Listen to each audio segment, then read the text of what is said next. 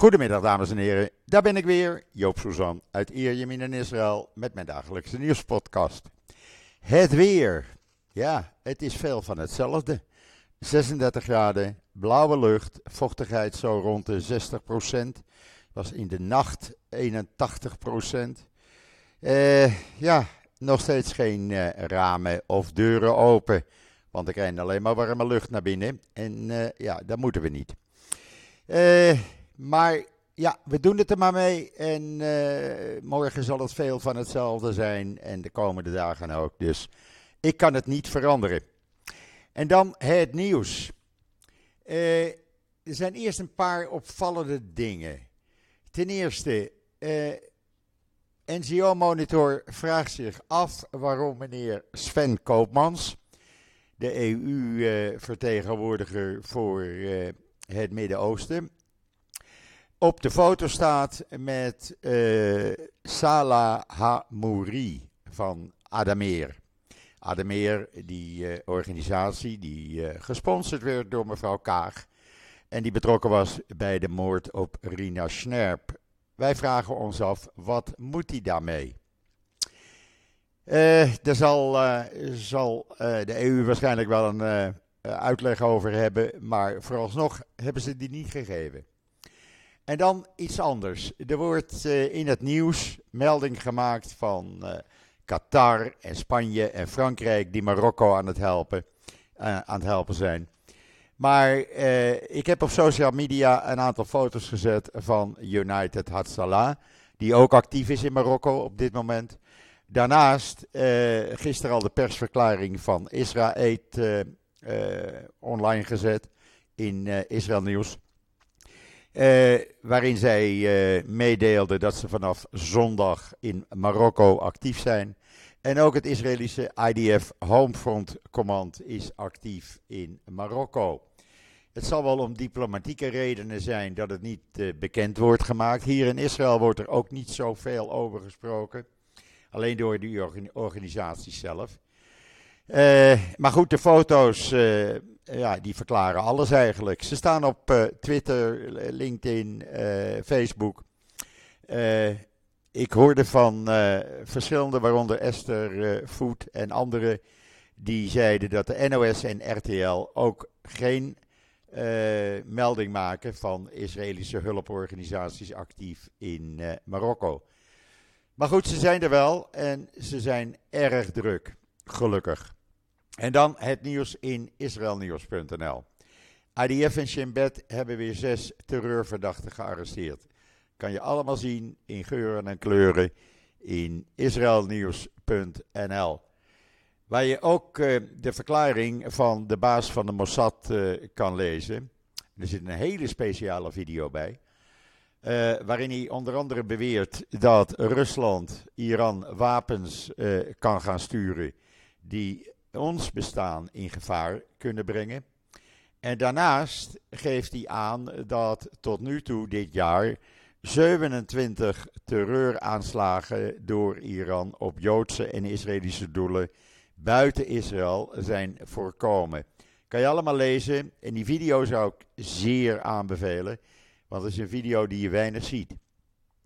En dan Barak Ravid, die Israëlische journalist, die ons toestemming heeft gegeven zijn artikelen in het Nederlands op Israël Nieuws te zetten.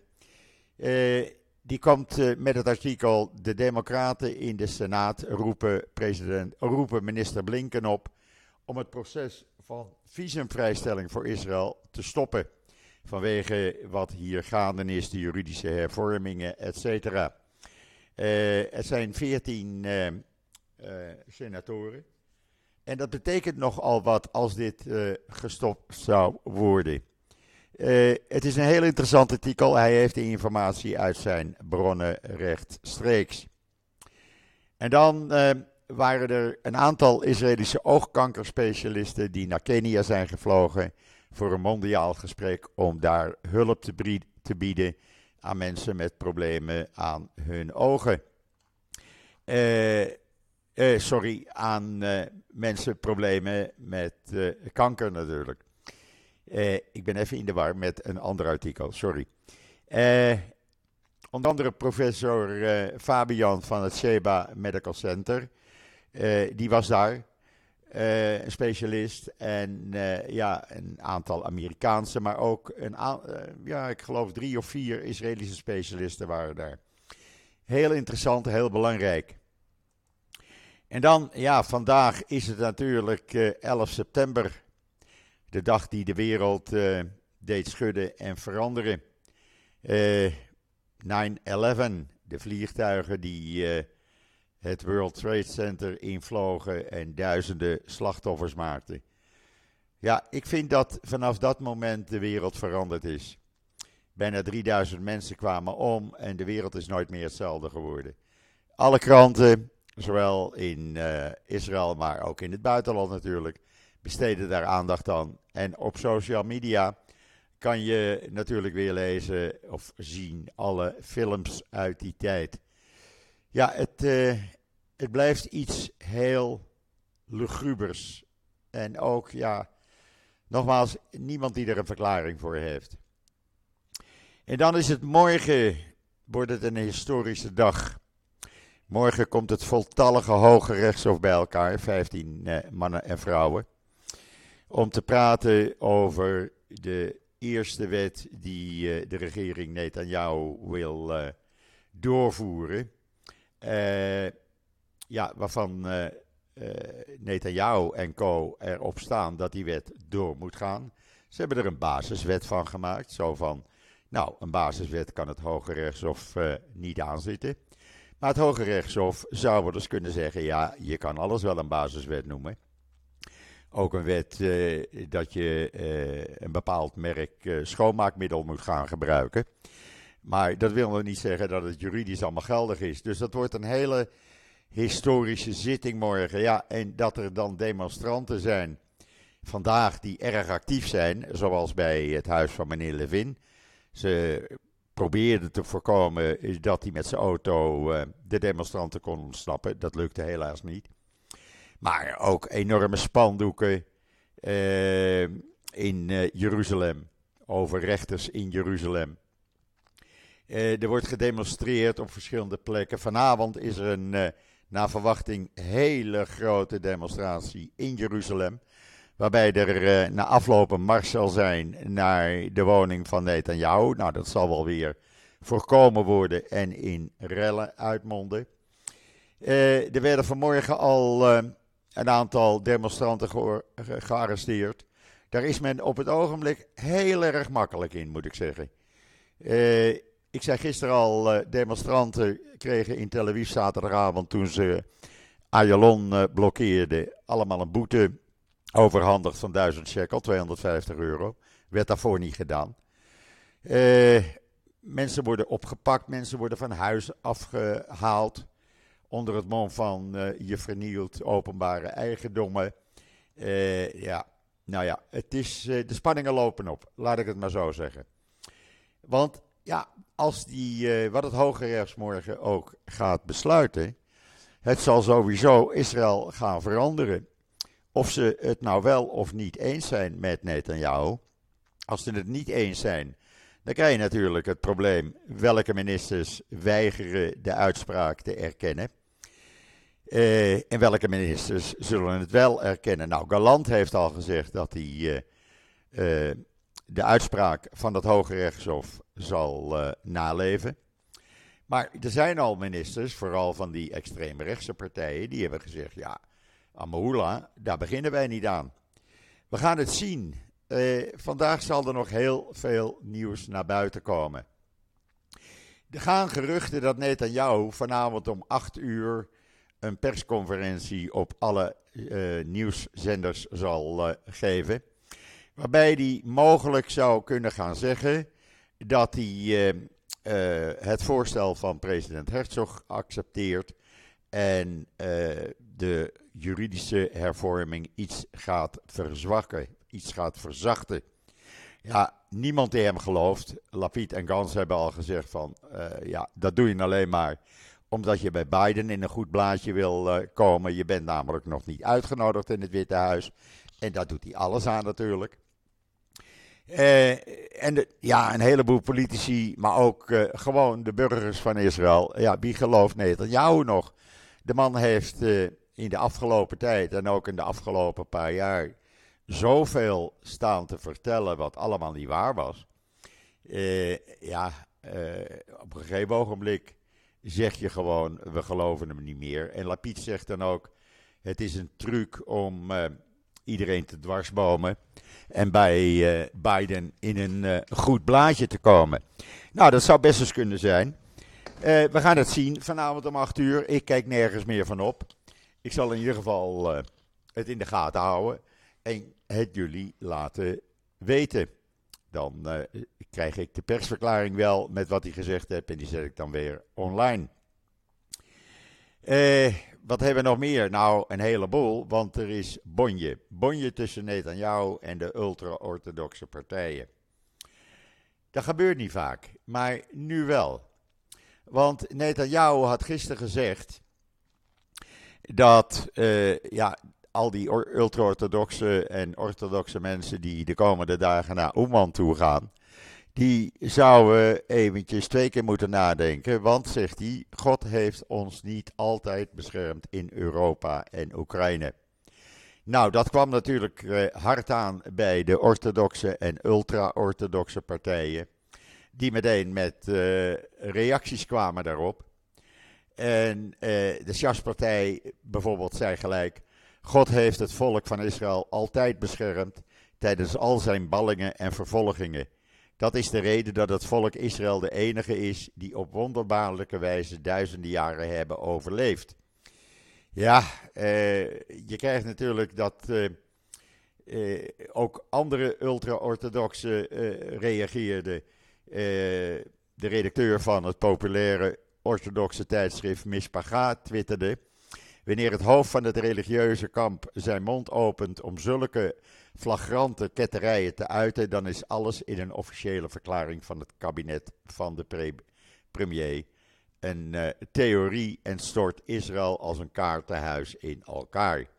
En we moeten Bibi niet respecteren vanwege deze heiligschennis en zulke lage en onbeschofte opmerkingen. Nou, daar kan hij dan weer even mee doen. Maar er is nog meer bonje. Want uh, Ben Gwier, die wil dus de condities van uh, de terroristen die gevangen zitten, die uh, wil hij ver, verminderen. Hij wil ze minder familiebezoek laten krijgen, minder eten zelf laten klaarmaken. Nou ja, allerlei beperkingen wil hij doorvoeren waarvan Netanyahu zegt dat gaat niet gebeuren. Ik ben degene die uiteindelijk dat besluit. En voorlopig uh, ga ik daar niet over besluiten tot na de feestdagen. Dat is dus over een maand. Waarop Ben zegt: Sorry, maar ik ben de minister van Nationale Veiligheid en Politie. En ik beslis daarover en ik doe wat ik wil en niet wat jij wil. Nou, dat gaat dus lekker in dat kabinet, zullen we maar zeggen. Eh, ik denk niet dat die twee op dit moment met elkaar door één deur kunnen. Kan je lezen allemaal in de Times of Israel uh, en ook dat andere over uh, de heiligschennis, zullen we maar zeggen, staat in de Times of Israel, maar ook in de Jeruzalem Post en in Haaretz. Het gaat niet erg lekker voor de feestdagen. Dan heeft uh, Netanyahu aangekondigd dat hij wat eerder naar Amerika gaat. Oh ja, ja, want hij gaat namelijk ook naar Silicon Valley. Hij wil daar uh, een aantal high-tech ondernemers toe, toespreken, maar hij wil ook spreken daar met Elon Musk. Waarom weet geen mens, maar hij wil Elon Musk spreken. Nou, dat zal dan wel gebeuren.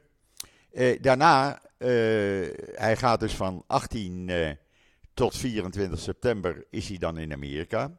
Dat is dus na uh, Rosh Hashanah en voor Yom Kippur.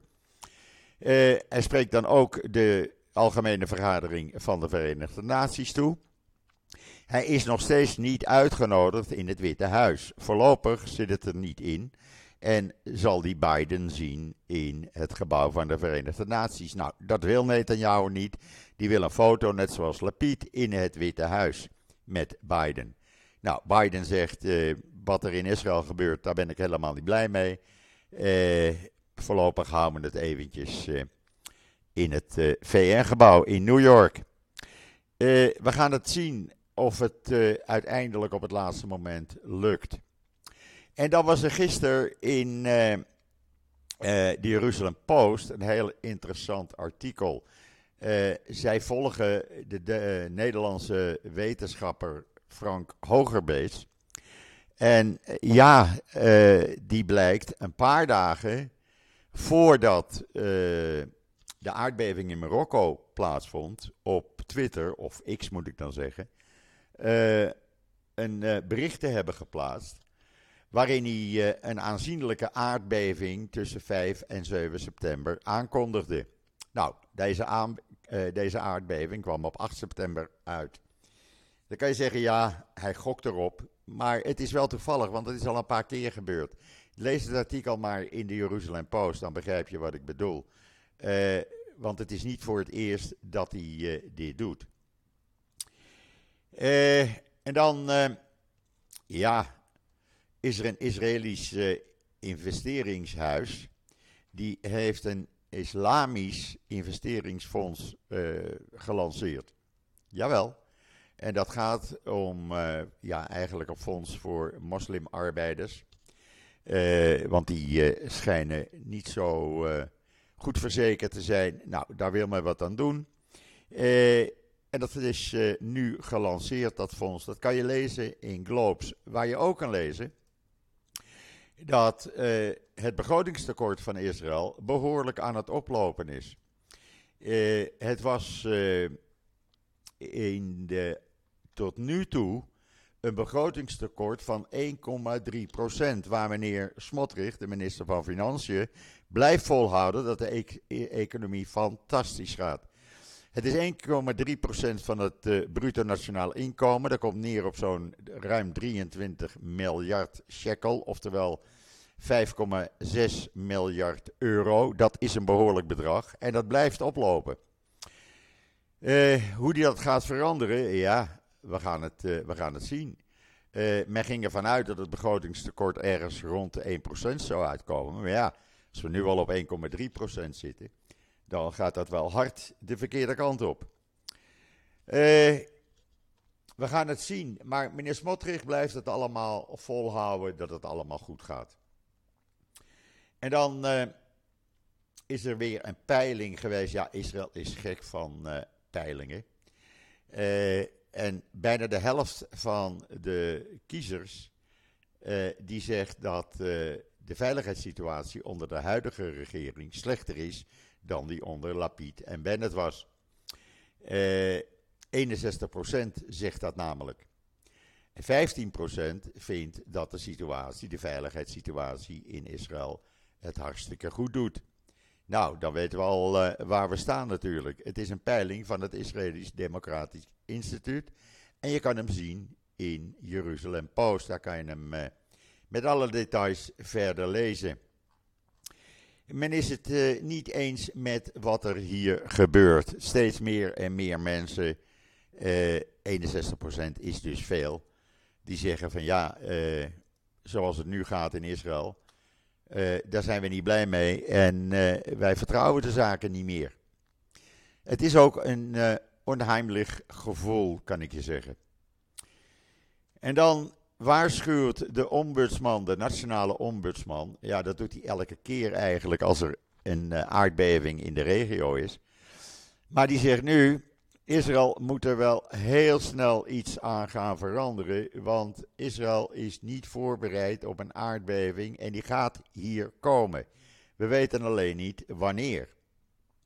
Maar eh, zoals die in Marokko is geweest, die kan je in Israël eh, gaan verwachten.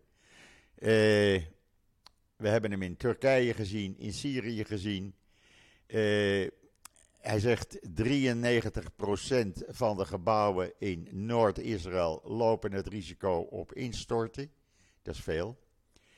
Uh, daarnaast zijn ziekenhuizen niet voorbereid op een grote aardbeving. En als hier niets aan wordt veranderd, ja, dan staat Israël hopelijk niet binnenkort, maar Israël moet dan rekening houden met een enorme ramp.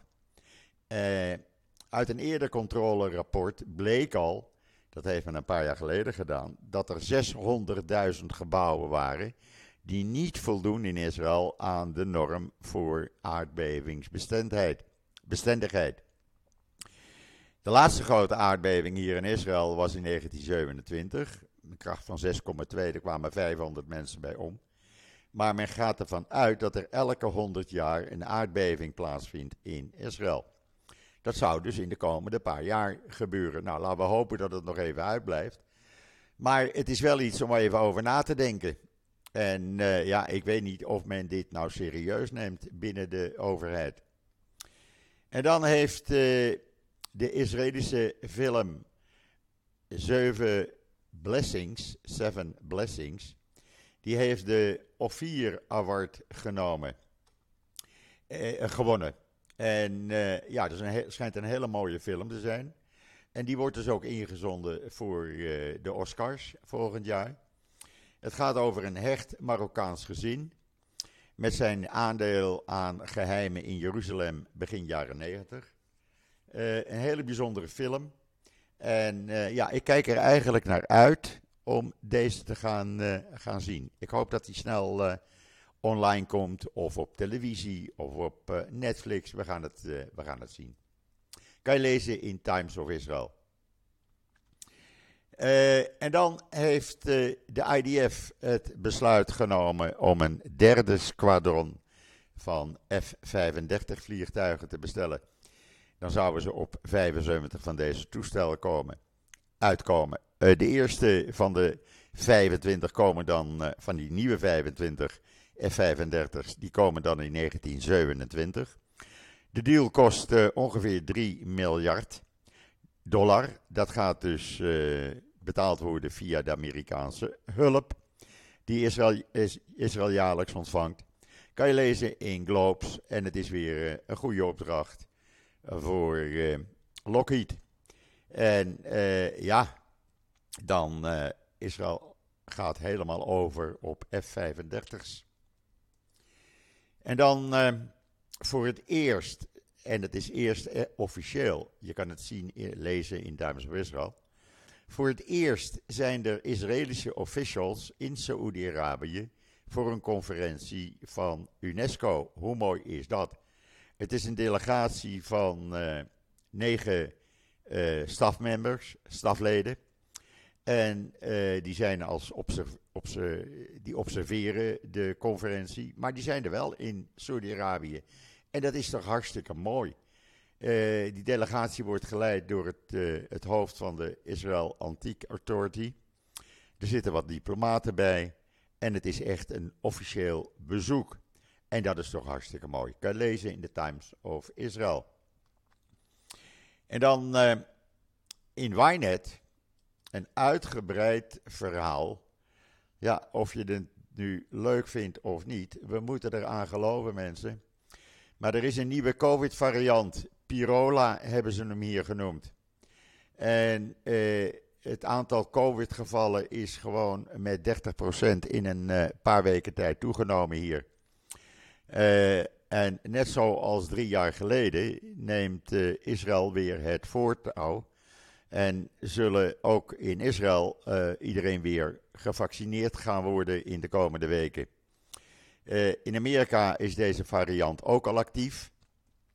Maar men heeft uitvoerig werk gedaan in het laboratorium van het Sheba Medical Center, het laboratorium van het med, ministerie van Volksgezondheid. En ja, we moeten er voor oppassen, we moeten eraan geloven. het is officieel geïdentificeerd hier. En men gaat ervan uit dat deze nieuwe vorm van COVID heel veel mutaties kent en heel veel patiënten zal opleveren. Dus doe er wat aan. Ik zie hier trouwens in winkels, in winkelcentra, meer en meer mensen met een mondkapje op. Ik heb hem zelf nu ook maar bij me. Voor het geval dat, en dan kan ik hem zo opdoen als het een beetje druk is. Je moet er toch rekening mee houden. En natuurlijk, er zijn mensen die zullen zeggen: Ach Joop, hou op, het is net zoals de griep. Ja, het kan dan wel. Maar eh, ja, ik wil nog even een tijdje meegaan. Dus dan kan je maar beter een mondkapje op doen en je laten vaccineren. Net zoals je elk jaar de griepprik krijgt. En dan doen we dat met dit ook. Dan weet je in ieder geval dat je er zelf alles aan gedaan hebt. Want zo werkt het gewoon. En dan, uh, wat hebben we nog meer? Ja, zoals elk jaar uh, voor Rosh Hashanah. Rosh Hashanah begint vrijdagavond. Duurt zaterdag en zondag. Zijn uh, alle briefjes die in de klaagmuur waren gestopt het afgelopen jaar zijn verwijderd. De klaagmuur is weer helemaal schoon. Dat doet men met uh, houten gereedschap. Uh, helemaal volgens de halagische instructies. Het is niet zomaar dat hij er uh, eventjes met de hand uitgehaald wordt. Nee, de mensen dragen handschoenen en houten wegwerpgereedschap. Zo stelt de Torah dat voor. En hebben de rabbijnen dat bepaald.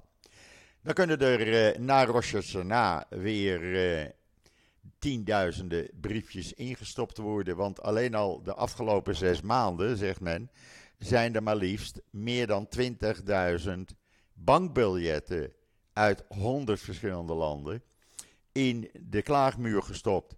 Uh, de top werd geleid door Amerika, Brazilië, Canada en Colombia. En we hebben natuurlijk al die tienduizenden briefjes met verzoeken en weet ik veel wat, uh, die uh, uh, in de muur zijn gestopt. Ja, de rabbijn van de klaagmuur, van de westelijke muur, rabbijn Shmuel Rabo, Rabinowitz, die was er dan zelf bij aanwezig. Die reciteerde gebeden en alles is weer schoon. Ook wat ik je zou aanraden, ik heb het je gisteren ook al jullie gezegd. Uh, de Seligot uh, gebeden worden weer s'avonds gedaan. Ik vind ze altijd ieder jaar weer bijzonder. Het verveelt mij nooit. Uh, ja, niet dat ik de hele avond ernaar zit te luisteren. Maar je kan het op YouTube elke avond kan je wel een YouTube kanaal vinden waar het live wordt uitgezonden. Uh, Seligot heet het en dat zijn de gezangen en de gebeden uh, in diverse vormen voordat de Joodse feestdagen beginnen. Uh, altijd weer bijzonder om dat uh, ja, te luisteren. ik ga niet naar de klaagmuur toe. een paar weken geleden, jullie weten het, toen ging ik voor die herdenking van Emmanuel Moreno naar Jeruzalem. Dat kostte me maar liefst ruim twee uur. Ik heb geen zin om weer twee uur in de files te staan. Dus we doen het online en dat kunnen jullie dus ook doen. Goed, dat brengt mij zo langzamerhand bij het einde van deze podcast. De komende 24 uur, of zal ik zeggen de komende 48 uur, zijn bepalend voor de toekomst van Israël. Ga er maar vanuit dat er heel veel nieuws uh, over uh, uh, het Hoge Rechtshof naar buiten zal komen. Heel veel nieuws over demonstraties, over verklaringen over verklaringen van de regering, over de verklaringen van Levin, van Netanyahu, van Ben want die zijn natuurlijk eh, voorstander van die juridische hervormingen. Maar ook de leiders van de demonstranten eh, zullen van zich doen, uh, laten doen horen. Dus ja, eh, het zal veel gaan over eh, de juridische hervormingen. Ik blijf jullie op de hoogte houden, zoveel als mogelijk is. En uh, alle persberichten komen sowieso online. En alle berichten die ik belangrijk vind, zullen jullie via social media kunnen volgen. Dat brengt mij tot het einde van deze podcast. Ik ben er morgen weer en zeg zoals altijd: tot ziens, tot morgen.